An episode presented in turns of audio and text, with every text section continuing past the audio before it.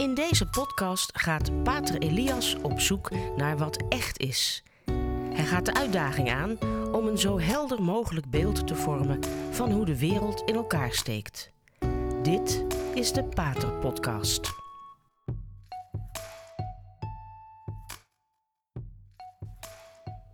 Binnenkort mogen we weer stemmen.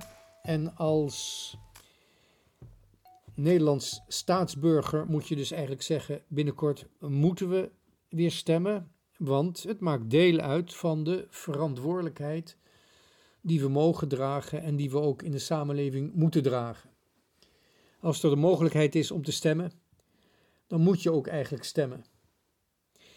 Het is een recht en tegelijkertijd is het een plicht, omdat het recht je gegeven wordt. Ik vind het een hele lastige dit jaar om te stemmen, omdat ik eigenlijk voor het eerst me ongemakkelijk voel bij de streng Calvinistische partijen die zeer principiële standpunten innemen eh, wat betreft het leven. Ze zijn tegen abortus, ze zijn voor het huwelijk tussen man en vrouw met als belangrijke karakteristiek, deel uitmakend van het wezen van het huwelijk, de vruchtbaarheid. En dat is altijd een, een van de belangrijke argumenten geweest waarom ik ehm, op vaak conservatief-christelijke partijen heb gestemd. En ook in zekere zin omdat hun visie op de economie en de wereldpolitiek enigszins in mijn richting komt. Maar daar heb ik dit jaar mijn twijfels over. En de, redenen daarvoor, de reden daarvoor die komen uit het buitenland. Deze streng Calvinistische partijen namelijk, die zijn altijd nogal pro-Israëlisch geweest op een vrij onevenwichtige manier. En eigenlijk ook op een hele strijdige manier. Toen de EO werd opgericht, jaren geleden, toen ik nog erg jong was, dan begon het in hun verslaggeving van buitenlands nieuws, begon het altijd met Israël. Je had Nederland, daarna had je Israël en daarna had je de rest van de wereld. De streng protestantse kerken, de strenge protestantse kerken of streng Calvinistische kerken hebben zich altijd zeer aangetrokken gevoeld tot het lot van het Joodse volk en de staat Israël. En daarbij zijn een aantal toch wel problematische kwesties zijn niet ter sprake gekomen. En ik heb me altijd afgevraagd waar die sterk pro-Israëlische houding nou vandaan komt. Want het is ook echt een ideologische houding. Is dat nou op de Bijbel gebaseerd? Heel vreemd, misschien op het Oude Testament, maar niet op het Nieuwe Testament. Want juist de protestanten, die zo de nadruk leggen op het geloof dat redt, en niet op de werken, dat is een van de manieren waarop de protestanten zich altijd hebben willen onderscheiden van de katholieken. Als zij nou zo de nadruk leggen op het geloof, hoe kunnen zij dan zich zo hechten aan een volk dat juist niet in Jezus heeft geloofd. Wat verwachten zij van het Joodse volk? Verwachten ze dat het Joodse volk zich gaan, gaat bekeren? Het is eigenlijk een hele vreemde ontwikkeling. Als inderdaad het geloof alleen redt, dan zouden de verhouding verhoudingen tussen de Joden en de protestanten slechter moeten zijn dan tussen de Joden en de katholieken. Maar tegendeel is waar. Niet dat de relaties tussen de Joden en de katholieken slecht zijn, maar de kerk, de katholieke kerk, heeft, als, heeft vanouds al een wat minder uh, eenduidige houding gehad tegenover de Israëlische staat. Want niet alleen zijn de Joden expliciet niet gelovig in Christus. Hè. Ze, ze, geloven in iets anders. Ze geloven dat de Messias nog komt. Maar bovendien, wanneer je de geschiedenis van de staat Israël bestudeert, dan zie je dat die voortgekomen, uit een, voortgekomen is uit een ideologie, namelijk het Zionisme, dat niet religieus, maar nationalistisch is. De stichters van het Zionisme waren agnost of zelfs atheïstisch. En daarom is het heel verrassend dat de protestanten zo partij kiezen voor Israël.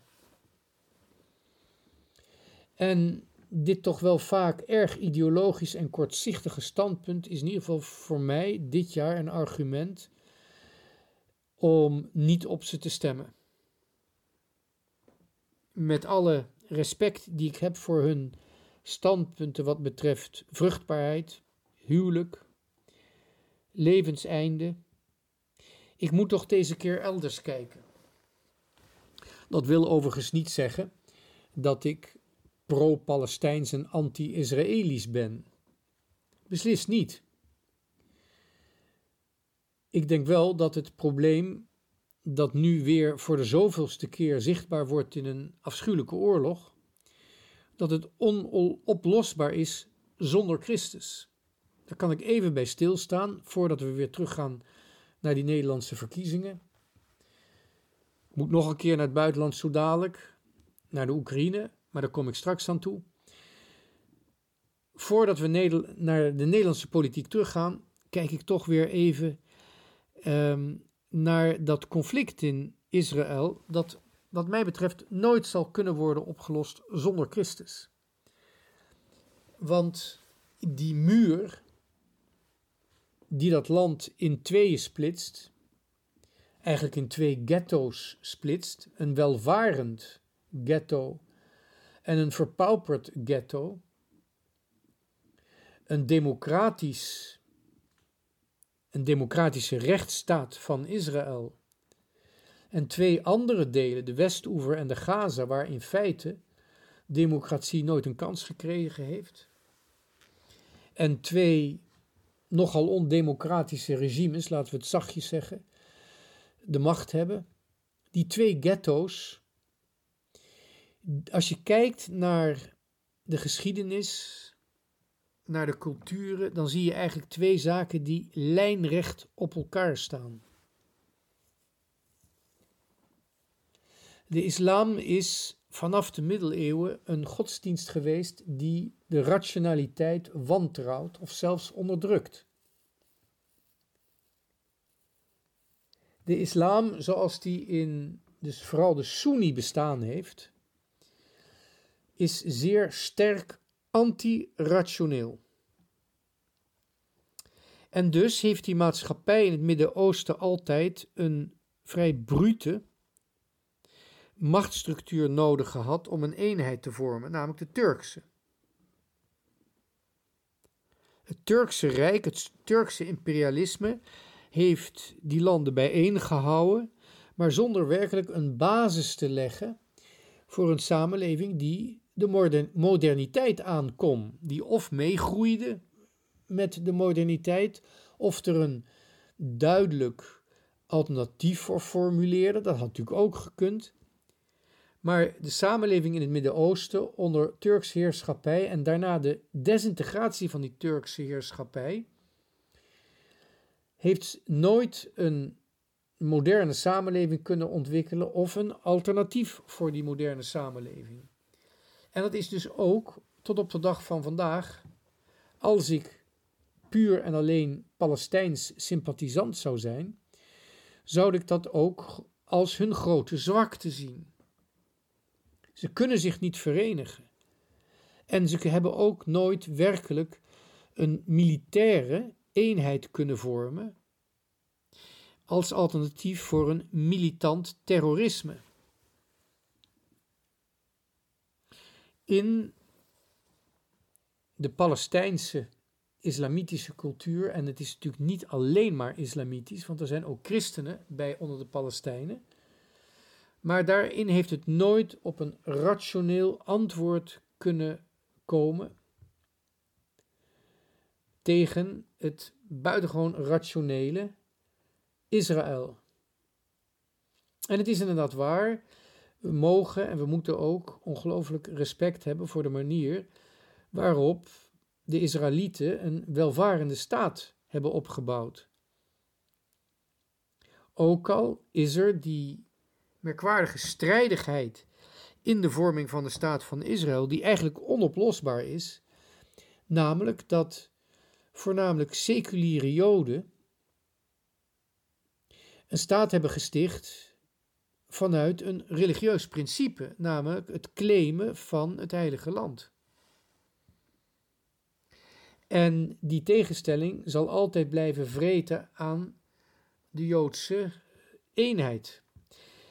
Die wordt nu ook verstoord doordat er ten eerste heel veel immigranten komen die weinig meer met het Joodse geloof te maken hebben, die zich enigszins oppervlakkig wel kunnen identificeren met de Joodse cultuur en het verleden, maar zeker niet radicaal gelovig zijn. Terwijl er aan de andere kant, juist vanuit Amerika, merkwaardig genoeg, steeds meer ultra-religieuze Joden binnenkomen, die zich hoger achten, niet alleen dan de Palestijnen, maar ook dan de andere Joden, en die veel meer kinderen krijgen. En die dus ook demografisch steeds, steeds belangrijker worden in Israël. En het wonderlijke is dat zowel de orthodoxe Joden uit het Westen als de seculiere Joden als uit het Westen, die zijn dus ook door het Westen gevormd, door een westelijke rationaliteit, die in zeer belangrijke mate voortkomt uit het verleden waarin Jezus heeft rondgelopen. Een verleden waarin de katholieke kerk en de Byzantijnse kerk, zeg maar het hele christendom, die volledige universele beschaving van die tijd heeft opgenomen als instrument dat het geloof faciliteert. Dat wil zeggen, in het christelijke Westen zien we zowel de verstandelijke vorming van de Grieken als de maatschappelijke verantwoordelijkheid van de Romeinen, die zien we opgenomen worden in het christendom om het huidige Westen te vormen. Daar hebben natuurlijk ook de Benedictijnen een cruciale rol in gespeeld. En na de Benedictijnen een heleboel andere religieuze orden, van de Franciscanen tot de Jezuïeten, tot zeg maar de zusters van Moeder Teresa. Dat zijn hele belangrijke ontwikkelingen geweest waarin de Joden ook hebben meegelopen. We kunnen natuurlijk altijd de nadruk leggen over, op de Jodenvervolgingen, maar het valt het is eigenlijk veel interessanter om te zien hoe de Joden, zowel voor als na Christus, als een soort van bij hebben rondgevlogen in de tuin van de beschavingen. In het Midden-Oosten zijn de Joden vaak buiten hun eigen beloofde land gekomen, of het nou uit nood was, zoals in Egypte, of het nou gedwongen was naar Babylon, of uit vrije wil in de Griekse wereld, de Helleense wereld. Maar de Joden hebben als het ware tussen die, laten we het maar even heel mooi noemen, de bloemen van de menselijke cultuur, hebben zij als een bij rondgevlogen. En ze hebben aan de ene kant die beschavingen met elkaar in contact gebracht, hebben, die bestoven. In zekere zin is door die Joodse aanwezigheid, hoe klein het volk ook was, maar ze werden wel opgemerkt zijn die beschavingen ook echt bevrucht met Joodse waarheden die geopenbaard waren. Die Joden hebben daar een belangrijke rol in gespeeld, een hele belangrijke creatieve rol die, die ook direct verbonden is met Gods voorzienigheid. Maar ze hebben ook het stuifmeel van die verschillende beschavingen hebben ze opgenomen en rondgebracht. Die rol hebben de Joden, die, die, die, die, die bezige bij van de Joden hebben ze zowel in de tijd voor Christus als in de christelijke tijd daarna hebben ze die rol gespeeld. En hebben dus ook een heleboel eigen ontwikkelingen doorgemaakt binnen die christelijke beschaving, maar ook in het Midden-Oosten.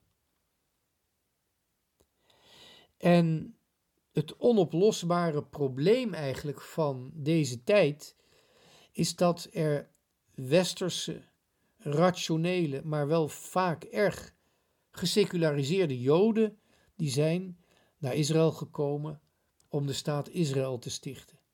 En het trieste is dat door het gebrek aan ontwikkeling de Palestijnen, in meerderheid moslim, zich nooit hebben kunnen ontwikkelen tot ofwel een betrouwbare, serieuze bondgenoot, ofwel een serieus te nemen vijand. De ontwikkeling hebben ze niet gehad en dat zie je eigenlijk in alles wat daar nu gebeurt in die Palestijnse gebieden. En ook de manier waarop in de westelijke Jordaan-oever op een toch wel vaak achterbakse manier de Joden steeds meer, of de, de Zionisten, steeds meer land innemen. Het probleem zal nooit worden opgelost zolang er zo'n enorm verschil is tussen de Israëlieten en de Palestijnen. En het vervelende is dat terwijl christenen op een gegeven moment zeggen: we gaan die barbaren, laten we ze maar barbaren noemen, of, of, of de plaatselijke bevolking, die gaan wij onderwijs geven, of die gaan we tot het christendom bekeren, of daar gaan we iets mee doen, zodat ze deelnemers worden aan ons koloniale rijk. Maar bij de Joden is dat niet of nauwelijks gebeurd. Er is wel wat werk verschaft. Maar ja, het Joodse geloof hoeft niet verspreid te worden. Het is geen evangelische godsdienst. Dus is het toch steeds meer geworden een soort van onverschilligheid tegenover wat er aan de andere kant van de muur gebeurt. En dat kan alleen maar op een ramp uitlopen. Als je aan de andere kant van die muur eigenlijk je niet interesseert, eh, als aan de andere kant van die muur de mensen steeds meer bitterheid en, en, en wraakzucht ophopen. Hoe dan ook, de versimpelende standpunten over Israël, die zie je duidelijk terug in de politiek. Links is pro-Palestijns, rechts christelijk is pro-Israëlitisch. Weinig nuance meer. Nou, dat is de reden waarom ik dus niet meer op die Calvinistische partijen kan stemmen. Of althans, deze keer niet. Maar ga ik dan kijken naar de situatie in ons eigen land, dan weet ik het eigenlijk ook niet zo goed meer. De, de folkloristische afgang van Thierry Baudet, ik zag hem laatst weer debatteren. Kijk, hij is natuurlijk, laten we even wel zeggen, hij is een mislukte koorbal. Nou ben ik een echte koorbal, dus ik kan heel goed onderscheiden wat een echte koorbal is en wat een mislukte koorbal is. En ik weet al uit mijn studentenwereld, toen ik echt koorbal was, hoewel ik geloof niet dat ik zo ballerig was, maar ik was wel lid van het Delft Studentenkoor, dat wij toen meer respect hadden voor allemaal linkse clubjes of een andere studentenclub, die heette Wolbodo. En daar liepen ze liever in punkkleren rond. Dat is gewoon een ander subcultuurtje. Maar daar hadden we wel respect voor. We vonden ze wel grappig en zij vonden ons ook wel grappig. Maar je hebt altijd van die mensen die willen ergens graag bij horen en dan gaan ze het nadoen. En ik heb bij die arme Thierry Baudet heb ik altijd het gevoel dat hij probeert de rechtse ontwikkelde intellectueel uit te hangen. Maar dat lukt hem steeds minder. De uitspraken over de oorlog in de Oekraïne en over Poetin en over het regime in Moskou, die getuigen van een zodanige onwetendheid en onwil om te begrijpen wat er werkelijk gebeurd is, dat, dat ik kan die man niet meer serieus nemen. En daardoor zijn partij ook niet. Wanneer je in die partij die partijleider nog serieus wil nemen, dan kun je niet meer spreken van serieuze politiek. Ik heb al eens eerder hier geprobeerd uit te leggen wat precies dat betekent, dat regime in Rusland. Ik weet niet of het gelukt is, Maar ik kan het illustreren door de vraag te stellen: hoe zouden wij het vinden als de Gestapo de verkiezingen in Duitsland won? En bovendien op alle bureaus van de Gestapo, die nog steeds bestaan, het portret van Himmler hing. De club die in 1917 werd opgericht als comité om alle anti-revolutionaire anti uit te moorden. En dat ook fanatiek zeer efficiënt heeft gedaan. Dat is de Tsjeka, dat is de club waartoe Poetin behoort en zelfs trots is te horen. De Russische samenleving, je moet misschien niet een samenleving noemen, maar het Russische gebeuren, want je kunt eigenlijk nauwelijks van een coherente samenleving spreken. Wat er coherent is, wordt bijeengehouden door de Tsjeka, door de geheime politie, die iedere keer natuurlijk van naam verandert. KGB, FSB. En vandaag de dag is dat nog steeds diezelfde verborgen elite die aan de macht is. En die het absolute monopolie heeft over rationaliteit. Zij maken uit wie, wanneer en waarom en met welke grenzen rationeel mag handelen. Dit is het regime van Rusland. En het valt me op dat Thierry Baudet niet de enige is, maar ook in conservatief-katholieke hoeken, zoals de roemruchte Monseigneur Vigano, heeft u misschien wel eens van gehoord. Daar wordt op ontstellend onnozele, maar ik vind zelfs voor een heleboel christenen zou het zeer beledigend en zelf godslastelijk moeten zijn. Op een uitermate onnozele manier wordt Poetin en zijn Tsjechistische regering geprezen. En ook dat is alweer voor mij een filter bij de verkiezingen. Op wie ga ik stemmen? Als ik naar het eigen land kijk en de plaats van dit land zie in Europa, dan denk ik dat het deze keer heel pragmatisch wordt. Ik ga kijken naar partijen die een kleine overheid willen, die een realistisch immigrantenbeleid willen hebben en niet een stomzinnig beleid zoals er partijen zijn die de hele immigranteninstroom stop willen zetten. Ik kom nogal vaak in bejaardentehuizen om de communie te brengen en ik zie dat de helft van die mensen buitenlanders zijn. Die overigens goed werk doen en bijzonder vriendelijk zijn, beleefd zijn. En die waarschijnlijk ook goed betaald daarvoor worden. Maar als we de immigratie tegenhouden, dan zou ik gewoon de vraag willen voorleggen: wie gaat dan onze wc's schoonmaken? En wie gaat van onze bejaarden de luiers verwisselen? Sorry dat ik het even zo vierkant zeg. Maar de Nederlanders hebben zich niet vermenigvuldigd. Ontelbare stelletjes wonen gezellig samen, gaan veel op reis en hebben natuurlijk een leuk katje of een leuk hondje om toch een, iets van een gemeenschappelijke verantwoordelijkheid te dragen. Maar op hun oude dag zullen dat katje en dat hondje zullen niet hun luiers verschonen. Die zullen ook niet voor ze gaan koken. Dat zullen andere mensen moeten doen. En zolang er geen jonge nieuwe Nederlands zijn om de banen te vullen, zullen dat de buitenlanders moeten zijn. Ik zoek nog steeds naar een pragmatische partij waarin ik vertrouwen heb, niet alleen in een partijprogramma, maar ook in de personen.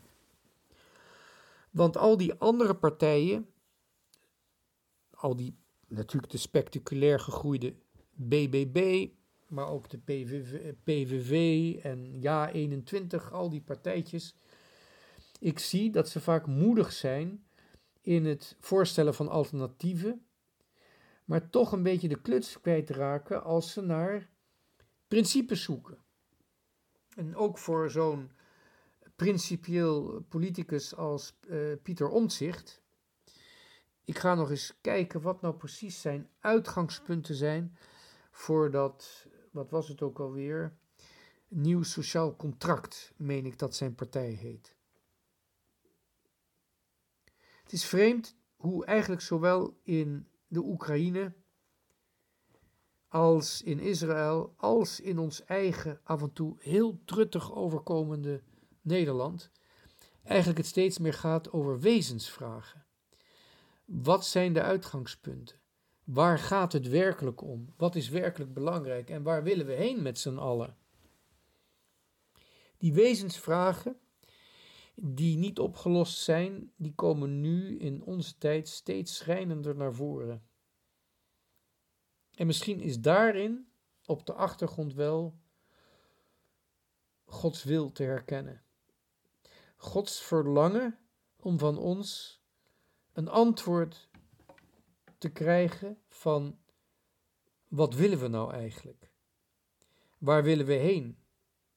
Durven we ons af te vragen waar we vandaan komen? Durven we werkelijk ons in te zetten voor een leven dat radicaal is en de moeite waard is? Die vragen komen steeds meer, komen steeds meer naar boven. Ik moet me, moet me wel even inhouden ik moet, niet lachen als ik denk aan de, de absurde scènes die zich afspelen spelen tussen uh, de twee voorzitters van het parlement. Er is een hele merkwaardige ruzie over de vorige voorzitter, Ariep, geloof ik dat ze heet. Daar is een onderzoek tegen geweest, want ze zou uh, onbeschoft zijn geweest en er zouden mensen emotionele gevolgen hebben overgehouden van haar iets wat uh, vierkante, niet zo vriendelijke gedrag.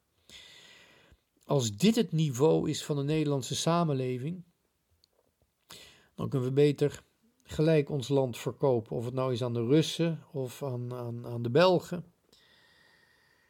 Maar als het werkelijk zo is dat vanwege een wat grillig karakter van onze Kamervoorzitter, zitster, er een onderzoek moet komen en dat dan de conclusie is dat er mensen blijvende psychologische schade hebben opgelopen van haar scheldpartijen.